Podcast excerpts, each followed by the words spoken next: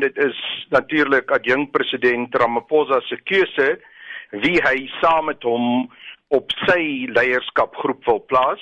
Sover dit ons aangaan, maak elkeen sy eie keuse en uiteindelik sal dit die takke van die ANC wees wat besluit of hulle daardie keuse aanvaarbaar vind en dink dat dit die beste mense is om die land te lei.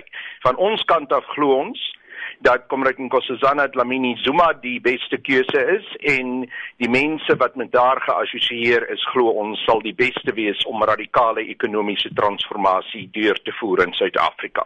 Hoe reken die MK Veterane Vereniging het minister Pandor tot nou as minister presteer? Kyk, ons gaan nie daarvan uit om op 'n negatiewe uh veldtog teen enige persoon te voer nie. So ons sien kameraad Nalendi Pandor as 'n mede-kameraad wat goed doen.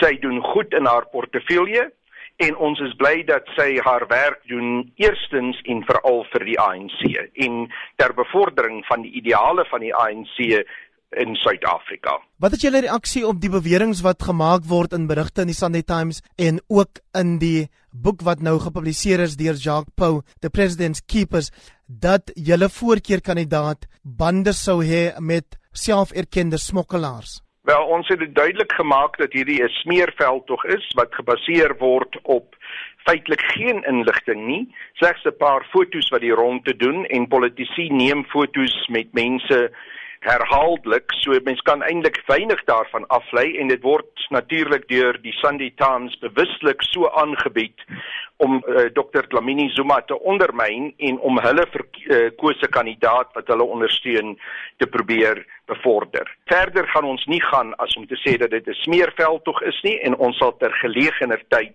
verder daarop reageer in die loop van hierdie week. Tot wiese voordeel sou dit wees?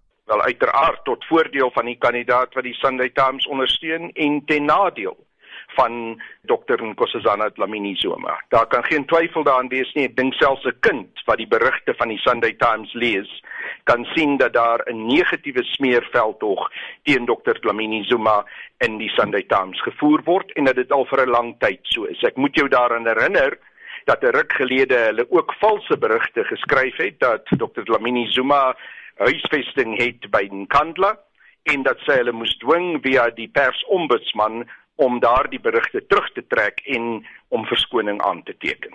Karl sê net ter wille van die luisteraars wat dalk nie hierdie berigte gelees het nie, wie julle dan nou sê die koerant se voorkeurkandidaat is. Van uit die oogpunt van die kampanje van Dr. Dlamini Zuma is dit duidelik dat adjunkt president Cyril Ramaphosa die voorkeurkandidaat van die Sunday Times is en dit kan men sien in al die berigte wat hulle aanbied en skryf oor hom en ten gunste van hom.